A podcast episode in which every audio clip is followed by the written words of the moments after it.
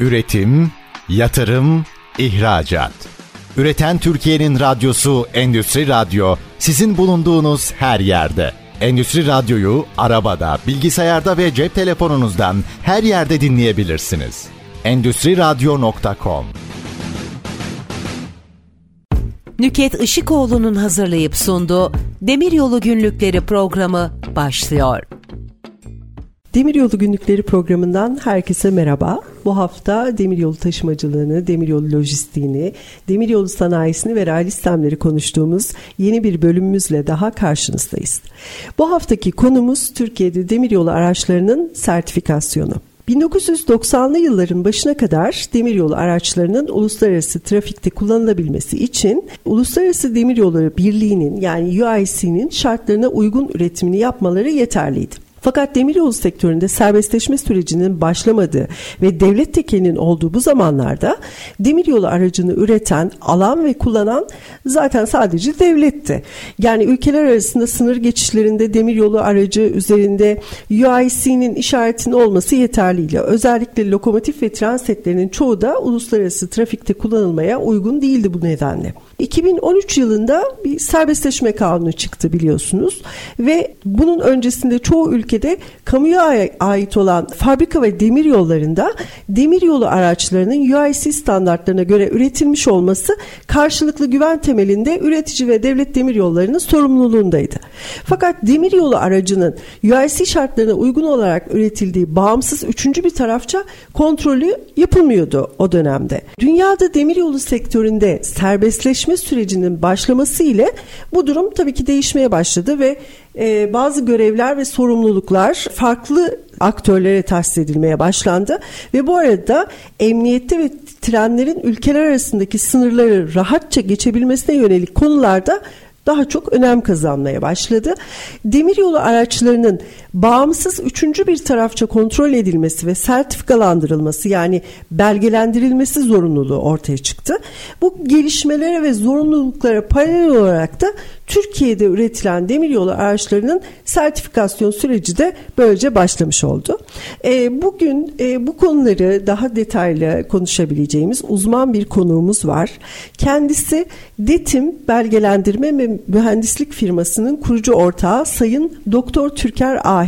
Türker Bey hoş geldiniz. Hoş bulduk. Çok teşekkür ederiz. Bu e, zorlu anlatması zorlu olan bir konuyu çok güzel özetlediniz. Sağ olun. Bizi kırmadınız. Bugün Ankara'dan yayınımıza katılmak için geldiniz. Öncelikle sizi tanıyabilir miyiz? Tabii ki. Ee, öncelikle ben size teşekkür etmek istiyorum. Ee, hem beni konuk olarak davet ettiğiniz için e, aynı zamanda böyle bir e, yayınla da demiryolu sektörüne bu kadar büyük katkı verdiğiniz için daha önceki yayınlarınızı Demiryolu Taşımacılar Derneği'nin dergisinde okuyorduk. Hı hı. E, şimdi bu vesileyle de artık e, radyoda e, böyle bir yayına geçmiş olduk. Evet. Teşekkür ederiz. Biz teşekkür ederiz. E, ben Doktor Türker Ahi, Aachen Teknik Üniversitesi Almanya'da Demiryolu Raylı Sistemler Mühendisliği, Ulaştırma Ekonomisi, Ulaştırma Mühendisliği üzerine eğitim aldım. Daha sonrasında yine Almanya ve İsviçre'de hem şantiye müdürü, demiryolu şantiye müdürlüğü kapsamlarında hem de işletmecilik ayağında danışmanlık firmalarında çalıştım. 2011 ee, yılı itibariyle hem bir Alman firmanın Türkiye Genel Müdürü olarak Türkiye'ye geldim. Ee, Avrupa Birliği Projeleri ve Ulaştırma Bakanlığı ve TC'nin danışmanı olarak. Ee, daha sonraki kapsamda kendi kurduğumuz firmalarla ki 12 yıldır e, Türkiye'de e, faal bir şekilde çalışmalarımızı sürdürüyoruz. Bunun dışında lojistik e, sektöründe de katkı veriyoruz. Yine bu anlamda da Gazi Üniversitesi'nde lojistik yönetimiyle ilgili doktora bulunuyor. E, bu kapsamda e, Türkiye'de şu an hala e, hem UHDGM'in geçen yıla kadar sürdürdüğümüz Avrupa Birliği projelerinin danışman olarak hem de DETİM olarak ayrı bir firma olarak da araçların, altyapının, sinyal sistemlerinin sertifikasyonu, bağımsız emniyet değerlendirmeleri ve bakanlığın vermiş olduğu yetkiye dayanarak ulusal e, atanmış kuruluş olarak hizmetlerimizi sürdürüyoruz. Evet. Zaten çoğu yaptığınız projede de daha önceden birlikte e, çalışma, toplantı yapma, görüşme imkanlarımız olmuştu. Aynen. Sizin bunlara ilave olarak bir de yayınlanmış kitaplarınız var sektörle ilgili. Evet. Hatta bir tanesi e, Demiryolu Sözlüğü'ydü yanlış hatırlamıyorsam. Doğru, evet. Doğru, e, o benim e, masaüstü kitabım. Masamda her zaman bulunuyor. Onun yeni baskısı çıkıyor şu anda. Öyle mi? Evet. Çok güzel, çok sevindim. E, isterseniz biraz da bu yayınlarınızdan bahsedelim. Ben öncelikle e, şeyi de söylemek istiyorum. Hani hı hı. geçen hafta Doğu ve Güneydoğu bölgelerimizde e, meydana gelen e, afetten ötürü de tabii hepimiz derin üzüntü içerisindeyiz. Evet. Bu anlamda da afette hayatını kaybedenlere Allah'tan rahmet, yakınlarını başsağlığı, yaralı olanlara da acil şifalar diliyoruz. Evet. Allah ülkemizin yardımcısı olsun. Amin, amin kitaplarla ilgili olarak 2011 yılında bahsettiğim gibi Türkiye'deki hı hı. demiryolu projelerinde çalışırken ee, burada İngilizce ve Türkçe terminolojinin çok farklı olduğunu gördük. Evet. Projelerde özellikle TC'nin tabii çok derin bir geçmişi olduğu için 165 e, yıllık bir tarihi evet. olduğu için e, burada gelen Fransızca kelimeler, eski e, Arapça kelimeler, hı hı. Farsça kelimelerden ötürü biz hem Avrupa Birliği projesinde biz TCD'yi anlamıyorduk. Hı hı. TCD bizim yabancı uzmanları anlamıyordu. Evet. Burada zorluklar yaşanıyordu. Dolayısıyla burada dedik böyle bir İngilizce, hı hı. Türkçe terminoloji sözlüğü oluşturalım. Ama tabii intermodal lojistiğin de geleceği olduğunu öngörerek intermodal lojistik terminolojilerini de dahil ettik. Hı hı. Bir de bunlar tabii öğrenci arkadaşlara daha yardımcı olması açısından resimli yapalım dedik. Resimler ekledik. Hı hı. E, bu vesileyle 2013 e, yılında kitabımızı yayınladık. Evet. E, bunun haricinde yine o dönemlerde Demiryolu Mühendisler Derneği'nde de yönetim kurulunda 3 yıl bulunduğum dönemde ilk defa Ray ve Engineering dergisini hı hı. hayata geçirdik. Yine Eskişehir'de hoca olarak devam etmekte olan Ömür Akbayır hocamıza da buradan selamlar yolluyorum. E, o da derginin e, ikinci kitabını ECM'nin sertif ECM e, sertifikasyonu ile ilgili kitaplar Hı-hı. yayınladı. E, biz yine hocamızla e, İbrahim Müjdat e, Başaran hocamızla yine derneğin ilk kitabını yayınladık. O dönemde yine Avrupa Birliği'nde TSI e, sertifikasyon uygulamaları ve emniyet yönetim sistemleri üzerine e, bir kitap e, yayınladık. Bunun haricinde e, Railway Gazet var. 152 ülkede yayınlanıyor. Onu da Türkiye editörüyüm. E, orada da yine Türkiye hakkında çıkan e, demiryolu ile ilgili haberlerde İngiltere'ye e, doğrudan biz e, yazıyı makale olarak evet. yolluyoruz. E, yine Almanya'da da çeşitli e, dergiler, demiryolu dergilerinde çeşitli makaleler yazıyoruz Almanca olarak. Gerçekten çok aktifsiniz. E, hayranlıkla dinledim. Özellikle e, o yayınları ben de takip ediyorum.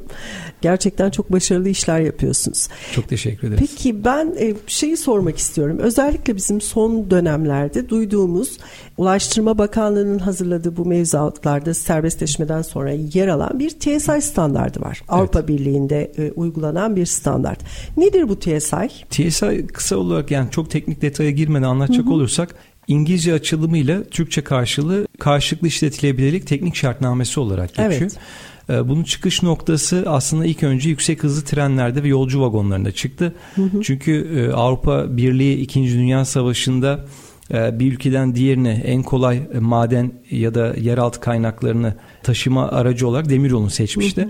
Hı hı. Fakat 2. Dünya Savaşı'nda bunu engel olmak için Almanya, Fransa, İngiltere hepsi hem tarihsel gelişimi sebebiyle de farklı elektrifikasyon, katener sistemleri, yol ekartman açıklıkları ve farklı teknik şartnameler geliştirdiler ki Almanya'dan e, işte Fransa'dan Almanya'ya gidip ya da Almanya'dan Fransa'ya gidip oranın kaynaklarını sömürüp demiryolu taşıma imkanı zorlaşsın diye. Hı hı.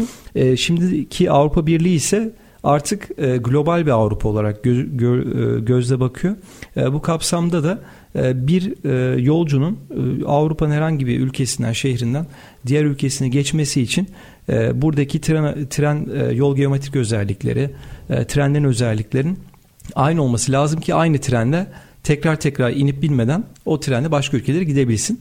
Aslında özetle bunu özetliyor bu teknik şartnameler. Ülkelerin kendi ulusal kurallarından çıkıp uluslararası ortak kuralları kabul etmesini evet. gerektiriyor. Ee, şimdi bu kapsamda da öncelikle 2001 yılında bu e, yüksek hızlı trenlerde ve yolcu vagonlarında zorunlu oldu Avrupa Birliği'nde. Hı hı. Ee, daha sonrasında da altyapı için e, katener sistem, elektrifikasyon, sinyalizasyon, operasyon merkezleri, e, araçlar, yük vagonları, yük vagonları e, bunların hepsi için bu sertifikasyon zorunluluğu getirildi. Evet. Şu anda sürekli olarak da güncelleniyor ERA tarafından yani Avrupa Demiryolu Ajansı tarafından. Evet, evet. Peki e, şimdi bizim ülkemizde tabii ki bir filomuz var. Evet. E, bu serbestleşme süresinden önce TCD'de taşımacılık AŞ'nin elinde olan ve özel sektörün elinde olan bir vagon ve lokomotif filomuz var. Peki bunlara baktığımız zaman tabii ki bu yeniler artık e, mevzuat düzenlemeleriyle de TSA ile olmak zorunda. Tabii. Diğerleri de var. Şu anda mesela e, baktığımız zaman elimizdeki filoya TSA'lı ve TSA'sız araç, gereç, teknik ekipmanlarımız ne durumda? Şimdi şöyle tabii istatistiksel olarak çok net rakamlar verememekle hı hı. birlikte e, yaklaşık burada 20-22 bin dolayında bir vagon evet. parkuru olduğunu varsayarsak e, bunun %80'ine yakın %80'i %75'i devletin elinde.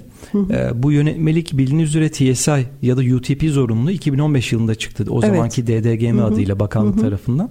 Fakat burada ee, biz tabi Avrupa Birliği üyesi olmadığımız için, üye ülke olmadığımız hı hı. için TSI zorunlundan çok biz OTIF Birliği'ne dahil olduğumuz evet. için bunun adını UTP olarak bakanlık hı. zorunlu koştu. Hı hı. Ee, aslında baktığımız zaman UTP ile TSI'nin hiçbir farkı yok. Eşdeğer. Hı hı. Zaten birinci maddesinde bu yazar genelde açıp evet. baktığınızda. Ee, dolayısıyla ismi değişmiş oldu. UTP oldu. Hı hı. TSI ile UTP özünde eşdeğer. Fakat Avrupa her ne kadar OTIF'i OTIF Avrupa'yı da kapsasa da hı hı e, Avrupa daha çok TSA'yı duymayı e, seviyor. Bu yüzden hı hı. sertifikasyona TSA üzerine ilerliyor. Hı hı.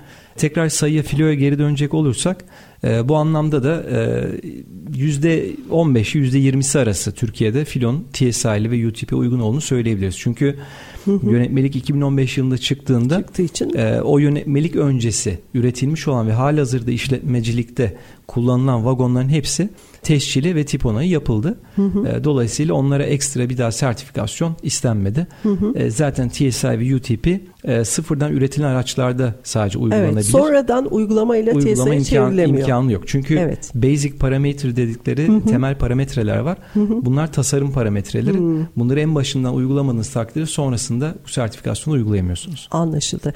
O zaman buradan şunu çıkarabilir miyiz? E, ülkemizdeki vagonların %15'i 20'sinin dışında kalan bu TSI olmayan vagonlar o zaman uluslararası taşımalarda kullanılmıyor. Kullanılıyor. Kullanılamaz mı? Şöyle kullanılıyor. Ee, eskiden e, MOU'lar vardı. İşte karşılıklı çapraz anlaşmalar vardı. TCD'nin evet. işte Bulgaristan'da BDZ ile yaptığı ya da evet. Avusturya'da ÖBB ile yaptığı anlaşmalar. Hı hı.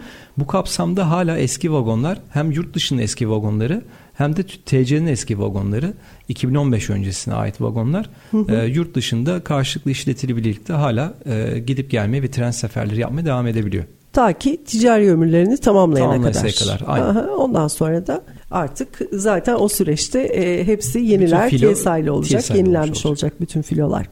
Peki mesela bu e, demiryolu araçlarının sertifikalandırma sürecine baktığımızda bu süreç nasıl ilerliyor Türker Bey? Şimdi süreçte ben öncelikle şeylerden bahsedeyim isterseniz. E, bunların çeşitli kapsamları var. Yani bir araç sadece TSI e, alması yetmiyor her zaman. Hı hı. E, bunların çeşitli sertifikasyon evreleri ve süreçleri ya da tamamlayıcı süreçleri var. E, öncelikle burada e, TSI alan yani alması için bir kuruluşun öncelikle üretici e, bir belgelendirme kuruluşu seçiyor. E, hı hı. Bu belgelendirme kuruluşu da e, örneğin TSI VAK'la ilgili bir belgelendirme aldık, al, alacaksa bu kapsamda akredite edilmiş e, uluslararası ERA'da ERADİS'te yayınlanmış hı hı. kuruluşlardan birini seçiyor. TSI sertifikası sertifikası vermeye haiz olan kuruluşa biz onaylanmış kuruluş diyoruz hı hı. yönetmelikler gereği. İngilizce'de NOBO kısaltması Notified Body'den geliyor. Hı hı. Onaylanmış kuruluşlar bu kapsamda sertifikasyon için öncelikle bir başvuru formu istiyor müşteriden. Hı hı. Bu başvuru formu da e, şunun için gerekli. Müşteri tam olarak e, bu araçta hangi komponentleri, hangi kombinasyonları yapacak? Kendi fren sistemleri için, kullanıcı teker seti ve diğer komponentler için. E, bu kombinasyonlarda çünkü bu kombinasyonlara göre siz orada karşılıklı işletebilirlik bileşenleri var. 5 e, tane mesela vagonda 5 tane parça var. E, bu komponentler de TSI'li olmak zorunda ayrıca. Hı hı. Vagon TSI'li olabilmesi için. Bu yüzden bununla alakalı olarak e, müşteri öncelikle bu kombinasyonlarını belirliyor. Yapmak istediğini, süreleri, hangi hı hı. modülü uygulamak istediğini, değerlendirme modülleri var farklı farklı. Hı hı. Hangi modülleri uygulamak istediğini bize bildiriyor ya da belgelenme kuruluşuna. Ardından belgelenme kuruluşu bununla ilgili e, bir tane denetim planı ve denetim programı oluşturuyor. E, bu denetim planı ve programına göre müşteriden istediği dokümanları sunuyor. E, bunlar yüzlerce doküman olabiliyor. E, o, evet. bayağı çizim, geniş bir e, bayağı yani geniş. teknik çizimlerinden hesaplamaları, hesaplamaları fren hesaplamaları, sonra geçeceği tünellerden hangi ülkede kullanacaksa o tünelin gabarisine uygunluğu, hı hı. E, yükleme sınırları, fem analizleri, yükleme koşulları hı hı. gibi öncesinde birçok değerlendirme yapılıyor ve fem, fem analizleri yapılıyor. Hı hı. E, bunlar bunların ardından dizayn aşamasını bitirmeye yakın test prosedürleri hı hı. alınması gerekiyor. Hı hı. E, bu test prosedürleri dışarıdan müşterinin tutmuş olduğu bir test kuruluşu olabiliyor. Hı hı. Fakat burada da yine karmaşık yollar var. Eğer e, seçtiği kuruluşun 17025 akreditasyonu yoksa yani testle ilgili bağımsız bir akreditasyonu yoksa kuruluşun e, NOBO'nun onaylanmış kuruluşun bütün testlere ayrıca refakat edip test prosedürlerini tek tek onaylayıp e, ve oradaki test e, raporlarını da yazan çıktıları da onaylaması gerekiyor. Anlıyorum. İsterseniz burada bir kısa reklam arası verelim. Tabii ki. Çünkü bu konu tabii ki hani hem çok önemli hem de böyle anlaşılması gereken, bilinmesi gereken bir konu. Genelde demiryolu sektöründe bundan sonraki süreçte üretim yapacak, vagon sahibi olacak, lokomotif sahibi olacak firmalar evet bunları mecburen öğreniyorlar ama sektörü bilmeyen, tanımayanlar için de aslında bu işin ne kadar önemli ve e, gerekli olduğunu ve zorunlu olduğunu hatta e, anlatmak açısından güzel bir şekilde ilerliyoruz. Kısa bir reklam arasından sonra kaldığımız yerden devam edeceğiz. Üretim, yatırım, ihracat. Üreten Türkiye'nin radyosu Endüstri Radyo sizin bulunduğunuz her yerde. Endüstri Radyo'yu arabada, bilgisayarda ve cep telefonunuzdan her yerde dinleyebilirsiniz. Endüstri Radyo.com Demiryolu günlükleri kaldığımız yerden devam ediyor. Konuğumuz Letim Belgelendirme ve Mühendislik Firması kurucu ortağı Sayın Doktor Türker Ahi. Türker Bey en son TSI'den bahsediyorduk. Şimdi diyelim ki yani dinleyicilerimiz de anlası, anlaması açısından daha rahat kavraması açısından şöyle sorayım. Bir demiryolu fabrikamız var. Vagon üretiyoruz. TSI standartlarına uygun bir üretim yapmayı planlıyoruz. Tabii ki sadece bu ürünlerin içeriğinden ziyade bu ürünleri oluşturacak makina, teçhizat, ekipman, personellerin de bir takım teknik standartlara haiz olması gerekecek, gerekecektir diye tahmin ediyorum. Kesinlikle. Evet ne diyorsunuz o süreçte? Şöyle e, TSI zaten aslında bir Avrupa Birliği direktifi. Evet. E, bu direktifin en altına baktığınız zaman orada çapraz tablo var. Çapraz hı hı. atıf tablosu var. Hı hı. Burada onlarca EN normu ve UIC standardı da var altında. Hı hı. Yani TSI tek bir şey matristen oluşmuyor. Evet. Bunun altındakilerin de kontrol edilmesi gerekiyor. Şimdi öncelikle az önce bahsettiğimiz programın ilk yarısında bahsettiğimiz kısımda TSI'nin öncelikle design modül, design kısmını e, kontrol ettiği döküman kağıt üzerindeki kontroller, hesaplamalar, hem analizleri var. Bunlar tamamlandıktan sonra teste geçiyoruz. Çünkü orada zaten kağıt üzerinde hesaplamalarımız tutuyor mu tutmuyor mu gerçekte buna bakıyoruz. Bu test kuruluşları yurt dışında da olabileceği gibi yerli kuruluşlar da var ama yerli e, şu an akredite olan hiçbir kuruluş yok. Dolayısıyla çoğunlukla yurt dışında e, çok yüksek maliyetlerle bu testler yapılıyor. Evet aslında burada birazcık bu konunun üzerinde durmak istiyorum. Tabii, Tabii ki sizin bu standartları ulaştığınızı kanıtlamanız için, belgelemeniz için dediğiniz gibi bir takım testlerden geçmeniz gerekiyor. Bu testlerin de akredite test merkezleri tarafından yapılması gerekiyor. Türkiye'de söz konusu testlerin yapılabileceği bir test merkezimiz yok bizim. Yok, aynen. Ee, ve bu yüzden de biz burada bile üretsek Türkiye'de ürettiğimiz ürünü test ettirmek için yurt dışına mı çıkarıyoruz? Şöyle Doğru bazı, mu anladım? Bazı testler burada yapılabiliyor. Hı hı. E, noise testleri mesela gürültü testleri, hı hı. E, fren testleri, dinamik fren testleri, çarpışma testleri bunlar evet. Türkiye'de yapılabiliyor. Ama mesela şu anda çok popüler olan H tipi boji var. Hı hı. Ee, Avrupa'da da çok kullanılıyor. Evet. Çeşitli avantajlarından dolayı. Fakat bunu TSI'ni yapmak istediğiniz zaman 500 bin euroyu geçiyor maliyet. İnanılmaz bir maliyet çıkıyor. Sadece test maliyeti. Hı. Sebebi de e, bu testlerin Türkiye'de yapılamıyor olması ve akredite kuruluşların işte İspanya'da, Avusturya'da e, ya da Almanya'da e, ya da Çek Cumhuriyeti'ne yollamanız lazım. Yani biz bojimizi üretiyoruz. Ondan sonra İspanya'ya mı yolluyoruz test için? Örnek Veya olarak işte e, evet. Çekoslovakya'ya evet. mı yolluyoruz? Oraya göndermemiz Ve gerekiyor. Tekrar, Fadik testi için, yorulma testi için mesela bu. Hmm.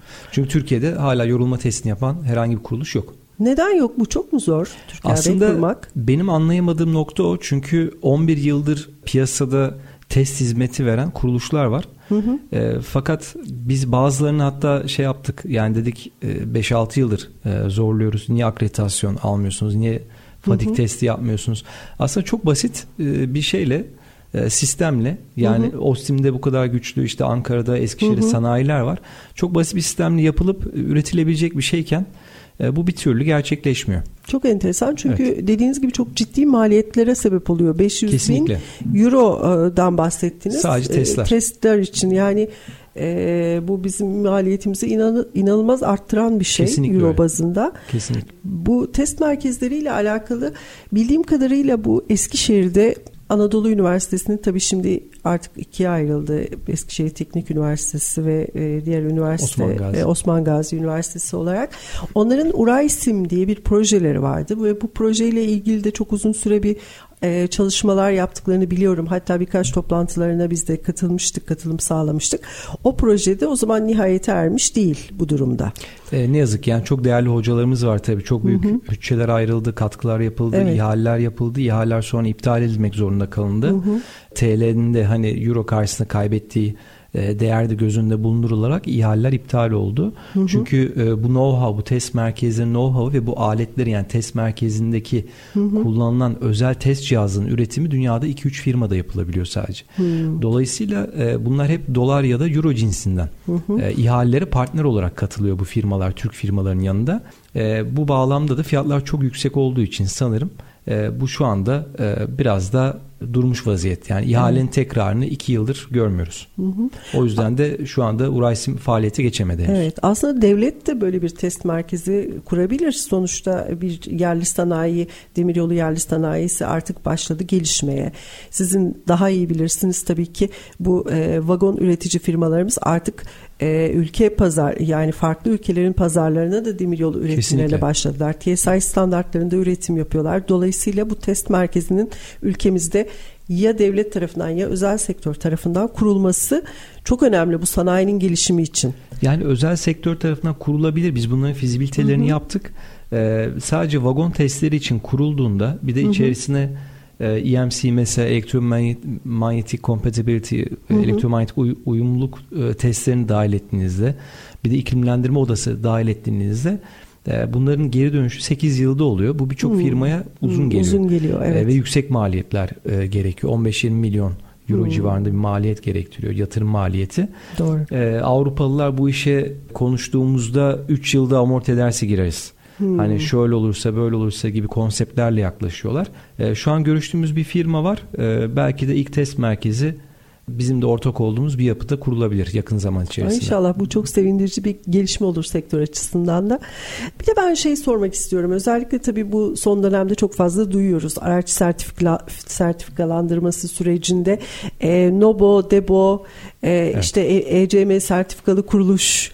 Bunlar ne anlama geliyor? Mesela NOBO nedir? DEBO nedir? Türker Bey. Hepsini anlatayım. Ondan Lütfen. önce sizin bir sorunuzu açık bıraktık. Ah, tabii, Onu buyurun. hemen e, siz demiştiniz e, bu TSI sürecinde fabrika, vagon üreten fabrikalarda evet. insanların, ekipmanların evet. ve fabrikanın kendi e, sabit tesislerinin de e, TSI sürecine dahil oluyor mu diye. Evet. Şimdi testleri geçti firma. Hı hı. Ardından fabrika denetimi oluyor. Bu hı hı. zaten SBSD dediğimiz iki modülden oluşuyor. Hı hı. D modülü fabrika içindeki üretime verilen bir sertifika TSI'da.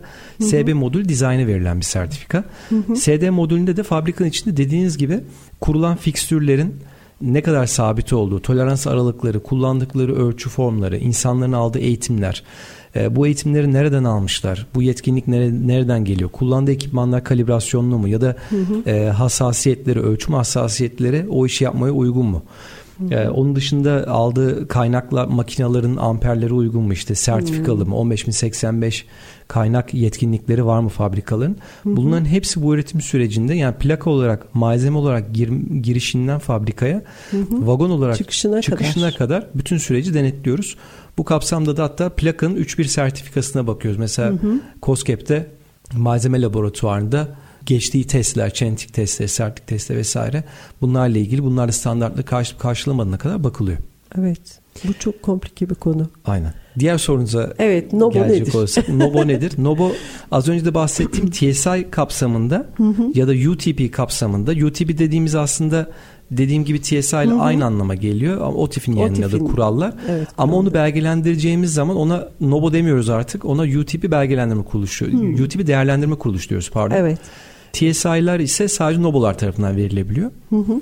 NOBO'lar onaylanmış kuruluş demek. Bunlar da Avrupa Birliği işte 2016 e, 797 AT direktifine göre orada yetkinliği ispatlanmış ve o ülkenin akreditasyon kuruluşu tarafından akredite edilmiş kuruluşlar oluyor. Hı hı. Bunlar e, şu anda Türkiye'de biz mesela TÜRKAK'tan akredite olduk evet, ben de şimdi onu soracaktım. Türkiye'de NOBA var mı? Şu an NOBA yok. UTP değerlendirme kuruluşu hı, var. UTP değerlendirme ee, kuruluşu. O kapsamda biz UTP'ye göre sertifika detim olarak verebiliyoruz. Hı hı. Fakat NOBA olarak TSI vereceğimiz zaman e, biz İspanya'dan akredite olduk. Çünkü hı hı. Türkiye'de bu akreditasyon NOBO verilemiyor. Bunun da sebebi evet, şu anki sebebi ne? karşılıklı işletilebilirlik yönetmeliği var direktifi. Hı hı, evet. Bu şu an Avrupa Birliği'ne yollandı Türkiye tarafından 3-4 yıl önce. Hı hı. E, hala Avrupa Birliği bunu şey yapmadı uygun bulmadı. Yani uygun görüp e, onay vermedi. Onaylamadı. Onay vermediği için Türkiye'den bir NOBO atanamıyor şu anda. Hmm. E, Avrupa Birliği'nde duruyor. Yani onlar uzatıyor süreci biraz da. Bu onaylandan biz direkt UTP değerlendirme şey, kuruluşak e, NOBO otomatikman olacağız zaten. Onaylanmamasının nedeni teknik yetersizlikler mi yo, yo, yoksa kesinlikle. farklı konular Farklı şimdi orada fasıllar var. Açılan ha, fasıllar evet, oluyor. Bu fasıl daha açılmamıştı. Bu fasıl büyük olasılıkla daha açılmadı. Ama ECM'de öyle değil. Mesela ECM'de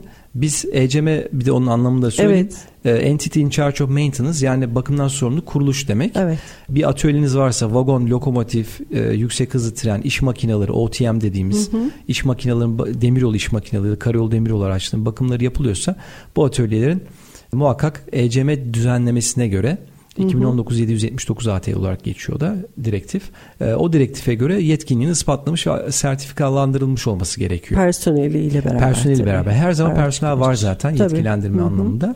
E, yetkinlik matrislerini kontrol ediyoruz. Aldıkları eğitimleri, Hı-hı. tekrar eğitimleri. Yani ben burada tekrar söylemek istiyorum. Tabii ki. TSI'li vagonumuzu, lokomotifimizi ancak ECM yetkili kuruluş tarafından evet. bakım ve onarımı yapılabilir. Aynen. Onun dışında yani herhangi bir atölyede veya bir yerde onun bakımını şeyini yaptıramayız. O zaman tüm Avrupa'da ve Türkiye'de şu an bu yasak zaten. Yasak. Şöyle evet. eskiden sadece yük vagonu için zorunluydu ECM sertifikası. Hı hı. 16 Haziran 2020 tarihi itibariyle bütün yolcu vagonları, yüksek hızlı trenler ve iş makineleri için de bu zorunlu hale geldi. Hı hı. ECM sertifikası. Ondan önce herhangi bir atölyeye mesela yolcu vagonu yaptırabiliyordunuz bakımlarını. Hmm. Ama şu ee, an yaptıramıyorsunuz. Şu an yaptıramıyorsunuz. 16 peki, Haziran 2020'den itibaren. Peki şu anda ülkemizdeki ECM sertifikalı kuruluş sayısı ne kadar? Yani yeterli şu an mi? 30'un üzerinde. Aa iyi. 30'un üzerinde. Yani Aha. ECM şu şöyle bir fark var. ECM sertifikalı kuruluş dediğimiz zaman genelde şimdi dinleyen tabi sadece Hı-hı. demir yolcular yok evet. ama demir yolcular şöyle anlıyor. Hı-hı. ECM sertifikalı kuruluş demek dört fonksiyona haiz. Yani bakım Hı-hı. yönetimi, filo yönetimi, bakım geliştirme, bakım temini, atölye hı, fonksiyonu. Hı. Ee, bunların eğer sadece 3 4'ü bir arada değilse sadece belli e, mesela bakım yönetimiyle bakım e, temini fonksiyonu varsa hı hı. atölyenin e, buna bakım fonksiyon sertifikalı atölye diyoruz. Hı. Sadece bakım fonksiyonu var. Evet. ECM e dediğimiz zaman ECM belgeli kuruluş 4 fonksiyonda oluyor ama bu zorunluluk değil. 4 Anladım. fonksiyon almak zorunda değil. Bu 30 tane olan 4 fonksiyonlu olanlar mı yoksa arada tek fonksiyonlu Fo- olanlar tek da fonksiyon bu olanlar da var. var. Tek Hı-hı. fonksiyon olanlar Anladım. da var. Evet bu ECM'de tabii önemli sonuçta TSI'li vagonlarımız tabii. olacaksa bakım ve onarımını yapmak için de ECM e, standartlarına haiz Aynen. atölyelerimizin ve bakım personelimizin bulunması gerekiyor. Bunların haricinde IRIS sertifikası var. Evet. Mesela IRIS'te doğru aslında otomotivdeki kalite yönetim sistemi yani ISO 9001'in yetmediği bir alanda kalitenin bu standartla sağlanamadığı bir alanda Hı-hı. otomotiv gibi bir yerde e, İAN 16949 standardı yayınlanmıştı otomotiv için. Hı hı. Demir yolcular da bununla ilgili biz niye benzer bir şey yapmıyoruz? ISO 9001 ile yeterli hı hı. kalıyoruz. Bu bize yetmiyor.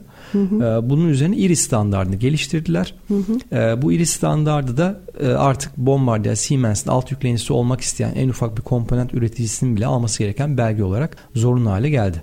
Evet gerçekten önemli konular bunlar. Evet. Şeyi sormuştunuz ASPO ve e, şeylerin olduğunu.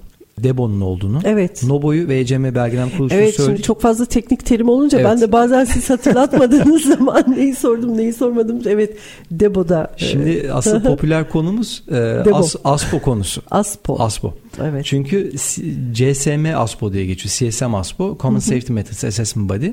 Yani ortak emniyet yöntem değerlenme kuruluşu olarak geçiyor.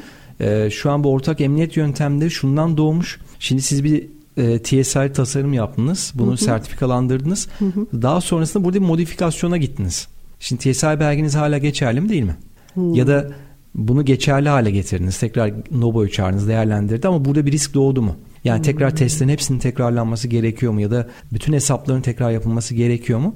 Bununla ilgili Avrupa Birliği geçmişte olan kazalar, olaylardan ötürü hı hı. ortak emniyet yöntemlerini su, sun, şey yaptı, e, ortaya koydu 2015 yılında 402-2013 direktifiyle. Şu an bu artık Türkiye'de de önümüzdeki dönemde bakanlık bunu zorunlu hale getiriyor.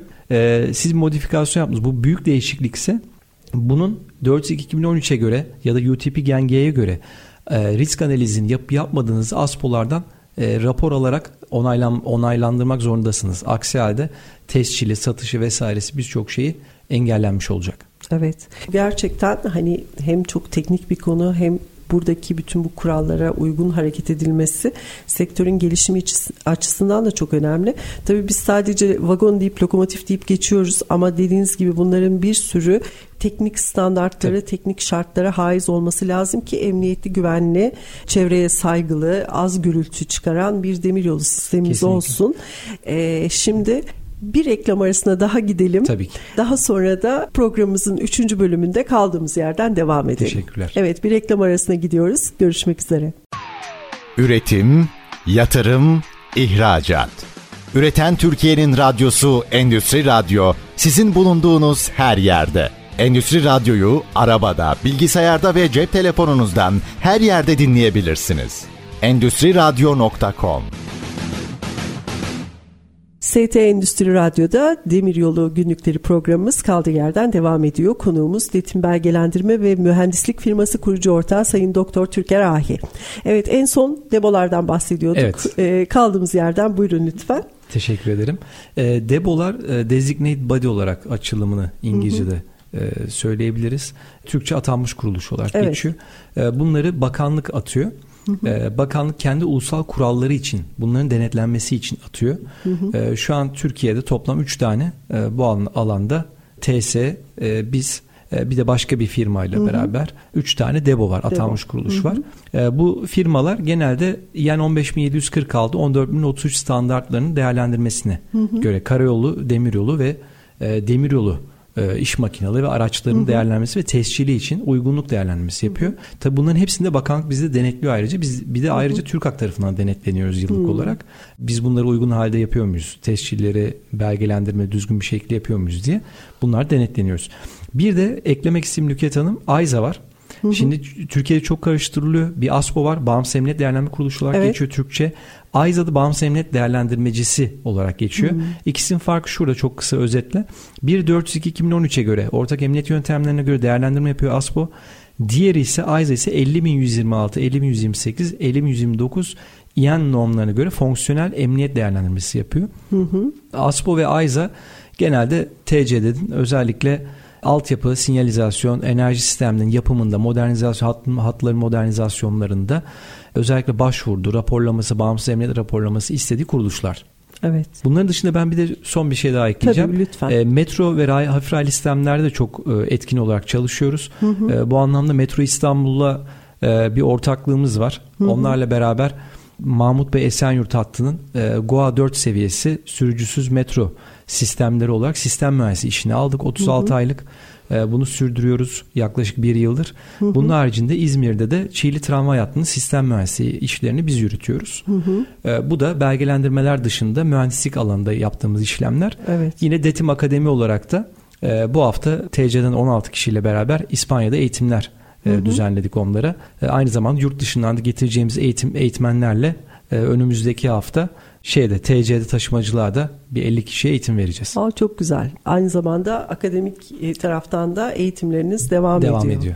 Çok güzel. Bu emniyet yönetim sistemlerinden de ben birazcık bahsetmek istiyorum. Çünkü emniyet demiryollarının çok önemli bir parçası biliyorsunuz.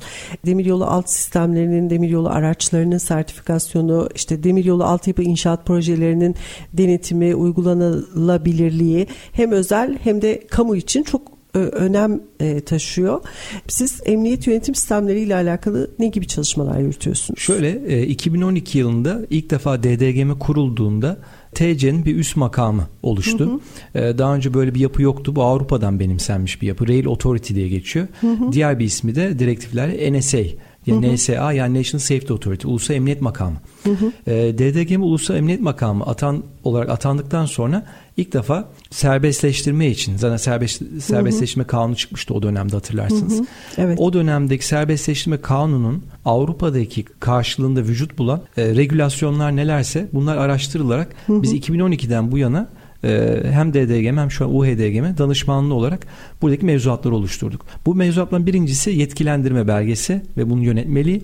İkincisi de emniyet e, yönetim sistemleri yönetmeli. Demiryolu Emniyet Yönetim Sistemleri yönetmeli. Bu kapsamda Avrupa'nın 2016 798 AT'ye uygun olarak yine oranın Avrupa'nın demiryolu hı hı. E, yönetim sistemi direktifine uygun olarak Türkiye'de işletmeci olmak isteyen kendi vagonunu öz mal ya da kiralık olarak alıp lokomotifini kiralık öz mal alıp kendi hat, e, TC'nin hatlarında işletme yapmak isteyen e, demiryolu tren işletmecileri ilk olarak emniyet yönetim sistemi kurmak zorunda e, ve emniyet sertifikası almak zorunda yetki belgesini aldıktan sonra. Hı hı. Aksi halde ne tren çizgisi talep edebiliyor, hattan kapasite alabiliyor ne de işletmecilik yapabiliyor. Bu yapıda aslında Avrupa'dan nereden benimsendi? Havacılıktan. Hmm. Aslında sivil havacılıkta havacılık. Sivil Havacılık evet. Genel Müdürlüğü'ndeki emniyet yapısıyla e, özdeşleşiyor ve o e, kapsamda da o kadar derin ve şey hassas bir yapı. Yani çok böyle işte ortak emniyet göstergeleri, ortak emniyet yöntemleri dediğimiz şeyler aslında kaza olmadan önce önlem alınması imkan tanıyan bir emniyet yönetim sistemi ve risk yönetimi e, barındırıyor. Yani biz e, bu işe girmeye niyetlendiysek eğer bir demiryolu tren işletmecisi olacaksak her şeyden önce emniyet yönetim sistemlerine haiz olmamız gerekiyor. Ancak ondan sonra başvurularımızı yapıp işte işletmeciliğe Tabii. başlayabiliyoruz. Tabii aksi halde e, hiçbir şekilde işletmecilik yapamıyorsunuz. Aynen öyle. Evet gerçekten çok önemli. Şimdi birazcık da isterseniz bu Avrupa Birliği projelerinden bahsedelim.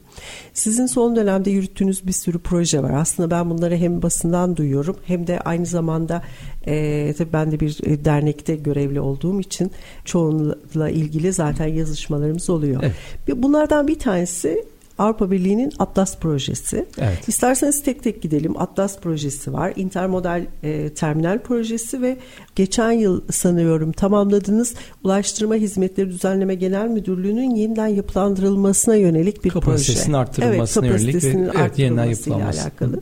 Bunlarla ilgili bilgi verebilir misiniz? Tabii ki. Tabii ki. Zaten bahsettiğim gibi 2011'den beri öncelikle TC'nin yeniden yapılanması projesinde görev evet, almıştık. İki buçuk yıl boyunca Hollandalı e, bir takım liderimiz Kees van Krieken vardı. Hı hı. E, o zaman e, TC'nin genel müdürü Süleyman Karaman Bey'di. Hı hı. E, ve onlarla beraber TC'nin yeniden yapılanması. Yani şu an TC Taşımacılık AŞ ve TC altyapı olması hı hı. Avrupa'daki yapıdan e, evet. doğan bir yapı. Alt o dönem yapı ve üst yapının ayrılması. Aynen. Evet. Aynen. Bu dönemde buna çalışmaları yürütüldü. Ör, ülke örnekleri incelendi Avrupa Birliği kapsamında. E, ve TC'nin yani yük, yolcu, e, ondan sonra insan kaynaklarının yönetimi, altyapının yönetimi, bütün hepsinin analizi yapılarak ardından bunlarla ilgili olması gereken yapılar belirlendi o dönemde. Bunun sonrasında az önce de bahsettiğim gibi DDGM kurulunca DDGM'nin tabii ki e, hem az personeli olmasından ötürü e, hem de bu alandan gelmeyen personel de olduğu için Demiryolu ile ilgili Avrupa yapılarının incelenmesi için yine bir Avrupa Birliği projesi yapılmıştı. Hı hı. O projede yer aldık. Burada da yine ülke örnekleri incelenip e, mevzuatlar oluşturuldu, harmonize edildi. İlk mevzuatlar demiryolu paketleri yayınlandı hı hı. Türkiye'de. Hı hı. E, akabinde de bu bu şekilde ihtiyaca göre tekrar Avrupa Birliği proje iki yılda bir tekrarlandı.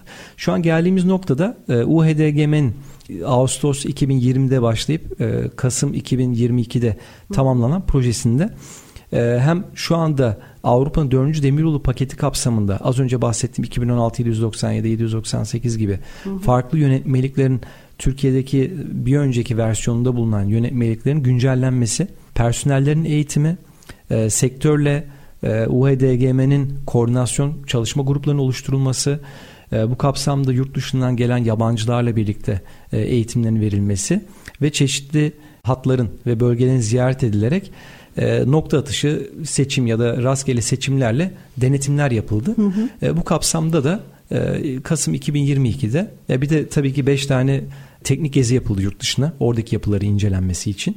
E, bunlar tamamlandı. Şu an mevzuatlarda yayınlanmak üzere. Hı hı. Yeni mevzuatlar çıkacak yakında. Evet biz de bekliyoruz. Özellikle altyapının mesela işletmeye kabul araçlardan hep bahsediyoruz ama Evet. bir altyapının mesela teknik kabulü nasıl yapılır? Hmm. Bunlarla ilgili mevzuatlar yazdık ee, bakanlığımızla birlikte. Ee, şimdi onlar onlar da bu mevzuatı e, faaliyete geçirerek artık bunu da bir standartize olmuş halini e, sektöre sunmak istiyorlar altyapının işletmeye Evet. kabulüyle ilgili. Sektörümüzün gelişmesi için tabii mevzuatlarla desteklenmesi çok önemli. Kesinlikle. Bunların haricinde e, Atlas projesi Evet. e, bahsettiğiniz gibi var. E, Atlas projesi de bütün modları yani havayolu, demiryolu, karayolu, deniz yolu modlarındaki bütün mevzuatların Avrupa Birliği ile birebir motomot kıyaslanması, boşlukların çıkarılması ve Türkiye'nin burada en çok en büyük faydayı e, nasıl göreceğiyle ilgili mevzuatların adaptasyonuna gerekliliği var mı yok mu? Büyük bir boşluk analizi gibi düşünebiliriz. Kıyaslama analizi gibi. E, bu kapsamda onlar yapılıyor. Demiryolu ile ilgili de süreç sürüyor zaten. E, bu da yaklaşık 3 yıllık bir proje. Geçen seneden beri ya- yaklaşık bir yılı aştı şu anda proje. E, bir yıldan fazladır proje devam ediyor. E, daha Hemen iki, hemen iki senesi gelinmiş. Evet. daha henüz yani iki sene yaklaşık bir süresi daha var. Hatta açılışında Bakan Bey de e, geldi bizim projemizin açılışına. E, bu kapsamda da e, şeyinde çok şey var, destekleri var. Yani bunun gerçekleşmesine işte DG Move'un e, başkanı katıldı. İşte Christian Merdrut katıldı. E, Türkiye'deki büyükelçi büyükelçiler katıldı toplantıya. Bu anlamda da, e, sektörü yakından takip ediyorlar. Atlas projesi o şekilde. Bunun haricinde şu an e, geçtiğimiz Eylül ayında başlayan e, IMT projemiz var. Intermodal Lojistik Terminal projesi. Evet bu çok önemli bir proje. Yani ben evet bahsettiğiniz her şey çok önemli çok önemli diyorum ama intermodal terminal projesi Türkiye açısından değerlendirdiğimizde özellikle dünyada zaten intermodal taşımacılık, kombine taşımacılık e, hem Avrupa Birliği'nin hem diğer ülkelerin sürekli gündeminde. Her taşımacılık modunun faydalı e, ve avantajlı yönlerini kullanarak bir tek bir taşıma gerçekleştirmek üzerine bir sistem kurmak. E, şimdi biz Türkiye'ye baktığımızda aslında daha önceden TCDD tarafından kurulmuş bir takım lojistik merkezler vardı. Planlaması yapılmıştı. Bunların bir kısmı hayata geçirildi, bir kısmı daha geçirilmedi. E, daha sonrasında bir işte ulaştırma master planları yapıldı. Bu planlara göre uygun yerdeler mi, tekrar değerlendirme yapılabilir mi? Ben intermodal taşımacılık terminal merkezlerinin Türkiye'nin lojistik altyapısı için çok önemli, çok hayati olduğunu düşünüyorum. Çünkü bizim demiryolu olarak en büyük yaşadığımız sorunlardan bir tanesi yükün demiryolu ile birbirine kavuşamaması. İşte limanlara yeterli bağlantıların sağlanamaması. Karayolu ağırlıklı bir taşımanın tüm yurt genelinde yapılması.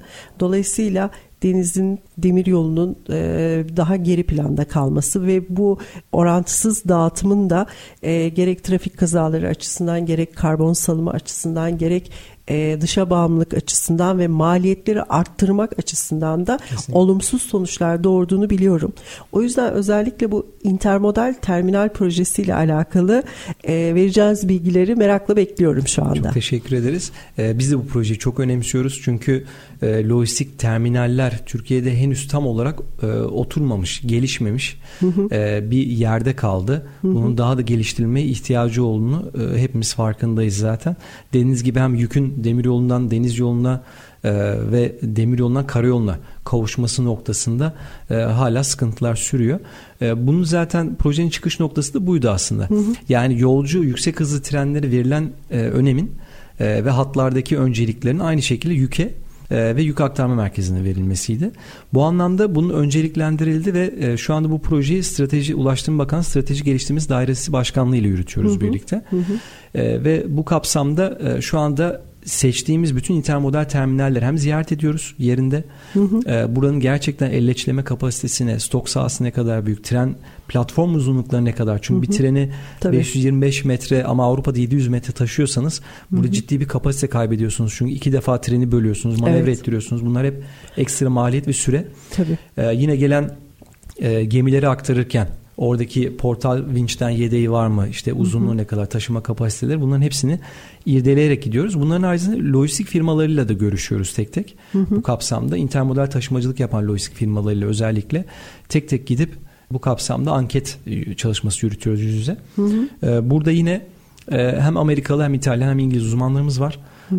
Daha proje yeni başladı. Şu anda boşluk analizi yani Türkiye'nin mevcut durumunu analiz ediyoruz. Evet. Ardından seçilecek iki tane demiryolu koridoru üzerinde çok özel yazılımlarla simülasyon, kapasite simülasyon yapıp nasıl iyileştirilebileceği ve lojistik merkezlerin hangi özellikle olması gerekliliğiyle ilgili e, raporlar sunacağız. Teknik raporlar oluşturulacak bunlarla ilgili. Hesaplamalar, e, ulaştırma ekonomisi hesaplamaları, ulaştırma hı hı. ekonomisine, ülke gayrimilli hasılasına etkisi analizleri hı hı. E, ve yine e, taşımacılık e, kapsamında kapasiteye olan etkileri analiz edilecek. Hı hı. Peki bunun beraberinde bu intermodal taşımacılık projesiyle alakalı mevzuat çalışmalarıyla da ilgili sizin bir çalışmanız var mı? Bu kapsamda yapılan analizlerin zaten çıktısı teşvik, hı hı. E, destek, işte organize sanayi bölgelerinin demiryolu bağlantıları hı hı. gibi eksik olan hususlarda e, mevzuatsal ya da ekonomik destek paketleri oluşturulması hedefleniyor. Ah, işte bu çok Bunlar önemli. E, bu benim ekstra ilgimi çekiyor. Birincisi bu konuyla alakalı bir e, akademik bir çalışma yapıyorum. Bir diğeri de e, bu demiryolu sektörü bebek bir sektör olduğu için yani evet bir lojistik nakliye sektörümüz var. Karayolu ağırlıklı dedik ama e, demiryolu sektörünün gerek sanayi açısından gerek e, lojistik açısından gelişebilmesi için tabii bir takım teşviklere ihtiyacı var. Çünkü sizin de e, program içeriğinde söylediğiniz gibi demiryolu aslında pahalı bir yatırım ve uzun sürede yani diğer sektörlere baktığımızda daha uzun sürede geri dönüş Kesinlikle. sağlıyor. Dolayısıyla geliştirilmesi ve tam olarak demiryolu ile ilgili sanayinin e, ve lojistiğin, taşımacılığın oluşturabilmesi, e, devlet dışındaki özel sektörün buraya rahatlıkla yatırım yapabilecek konuma gelmesi için bir takım teşviklerin, desteklerin, kolaylıkların sağlanması lazım diye Kesinlikle. düşünüyorum. Bugün çok güzel, çok keyifli, böyle dolu dolu bir program yaptık. E, ben de teknik açıdan sayenizde oldukça bilgilendirdim. E, kafamda bir takım parçalar tamamen yerine oturdu sayenizde. Çok teşekkür ediyorum. Ben teşekkür ederim. Ben de çok keyif aldım. Tekrar davetiniz için teşekkür ederim. Ee, biz teşekkür ederiz. Ayağınıza sağlık, e, ağzınıza sağlık. Geldiniz. Çok güzel bize bilgiler verdiniz. Bugün ST Endüstri Radyo'da Demiryolu Günlükleri programında Demiryolu sertifikasyon sürecini konuştuk. Konuğumuz Letin Belgelendirme ve Mühendislik Firması kurucu ortağı Sayın Doktor Türker Ahi'di. Önümüzdeki hafta yeni bir programda yeni konular ve konuklarla tekrar bir arada olmak üzere. Hoşçakalın.